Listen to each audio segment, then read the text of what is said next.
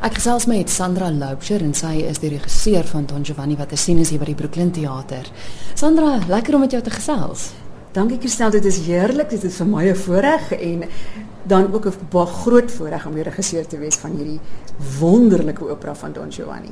Maar dis nie jou eerste keer nie, jy stap hulle pad saam met Salon. Dit is my tweede keer as regisseur. Ek het al verskeie rolletjies vir hulle gesing hier in in operas die afgelope 5 jaar, maar maar hierdie was die Barbier van Seville was my eerste opera wat Willem my gevra het en dis nou my tweede keer en dit is vir my so 'n voorreg. Dis altyd 'n uitdaging, maar dit is 'n lekker uitdaging my altyd interessant hoe 'n regisseur besluit wat hulle gaan doen met 'n produksie. Waar begin mens? Want ek meen opera dit het maar 'n stigma in in ons teaterbedryf en mense wil so graag gehoor hê. So jy wil jou uiterste bes doen en jy wil dit so gehoorvriendelik moontlik maak. Waar begin mens as regisseur? Dit is baie waar wat jy daar sê, veral omdat die Brooklyn Theater in Salon Musiek um, ons hierdie hierdie produksie doen spesifiek vir die uitreik uh, hulle uitreikprogram en ook die die jeugprogram want uh, ek weet nie of die die luisteraars as ek weet Don Giovanni is voorgeskryf vir verskeie um, vir musiek vir die vir die um, privaat skole. Mm.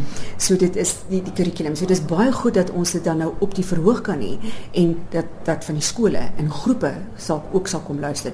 So waar ek sou begin ek ek het begin by die storie en Willem en ek het saam besluit dat ons dit op die tradisionele manier gaan doen.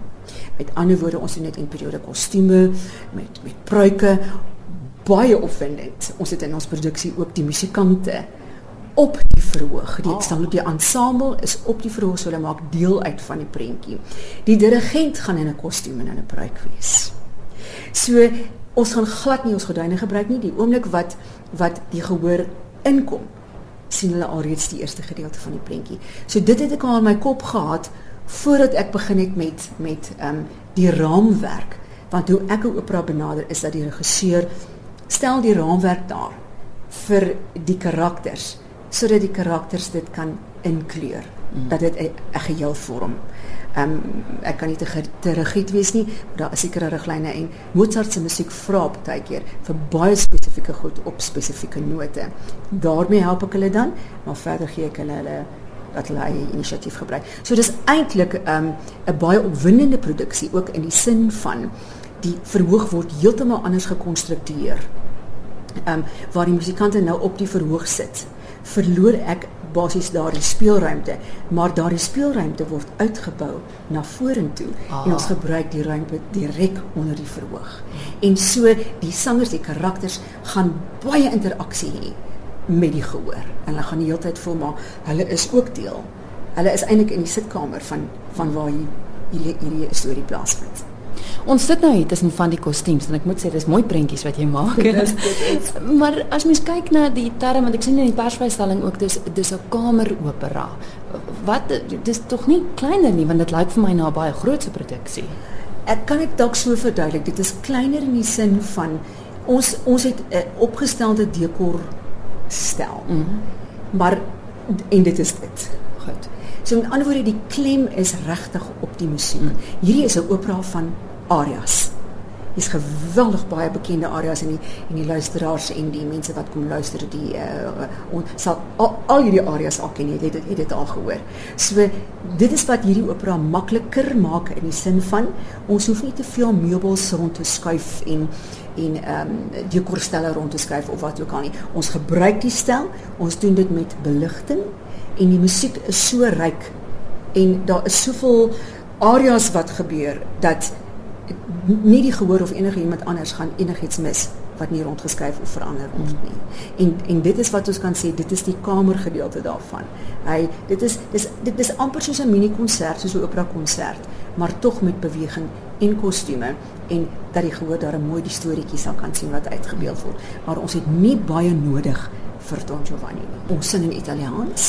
Alles word in Italiaans gesing, al die restatiewe, al die arias, maar daar's Engelse onderskrifte. So, want daar is komedie, daar is ook by ja. al die drama, daar's baie drama, is daar ook komedie in hierdie opera. En so dit is belangrik vir ons dat ons uh, die, die ons kliënte wat kom kyk dit mm. dat hulle kan presies kan sien maar dit is wat hulle nou sê en dat hulle kan lag en hulle kan geniet want dit is skreeu snaaks en hierdie Don Giovanni wat al hierdie vrouens ons sy vlerke neem. Ek meen dit is regtig, dit is verskriklik. dit is dit so so hulle moet al daardie fyn nuances wat ingebring is deur die die komponis en die librettis moet hulle kan kan sien en kan hoor en kan vang en dit saam met saam met die karakters geniet. Is dit 'n maklik verstaanbare storie? Dink jy dis miskien dalk ook hoekom dit 'n voorgeskrewe werk vir van die studente ja, is? Dit is 'n maklik verstaanbare storie. Dit gaan regtig basies oor hierdie man, hierdie jong man wat regtig soveel vrouens. Hy sal enigiets doen om die vrouens onder sy vlerk te kry. En moet hulle doen presies net wat hy wil en hy het geen gewete nie. En dan het hy vir Leporello wat sy uh, halfbediende is, maar ook sy gesant want hy Leporello ken sy hele storie en Leporello is baie keer maar saam met hom op die verhoog. En dan is die verskeie dames ehm um, wat deur hom uh, geromantiseer is en hulle almal begin later hierdie wraak koester hulle sien maar hy hy's eintlik daarop uit om hulle net skade aan te doen want dit gaan gaan alles oor sy eie gewin. En dan is maar hierdie karakters wat op die ou einde ehm um, op die heel op die heel einde wanneer Don Giovanni nou sy sy straf kry, dan eindig die opera vir my so mooi dat hulle sê maar elke persoon wat sulke sondes pleeg kry die straf wat hom toe kom. So dit is eintlik dit is eintlik so lekker dramaties dat op 'n vreeslike dramatiese manier word Don Giovanni um, uit die lewe uitgeruk deur die uh, kommendatore wat hom kom haal en dan um, dan verdwyn hy en dan kom hierdie al die karakters wat hy so skade aangedoen het en hulle staan op die verhoog en dan sê hulle ja dit is wat gebeur met die persone wat hierdie sonde pleeg so hy kry sy straf. so jy nie. Ja, ja. Wanneer is julle te sien? Ons open op die 18de Januarie en dan het ons opvoerings daardie woensdag aand, die vrydag aand, sondagmiddag 3 uur, weer woensdag aand, vrydag aand en ons eindig sondagmiddag 3 uur op die 29ste Januarie.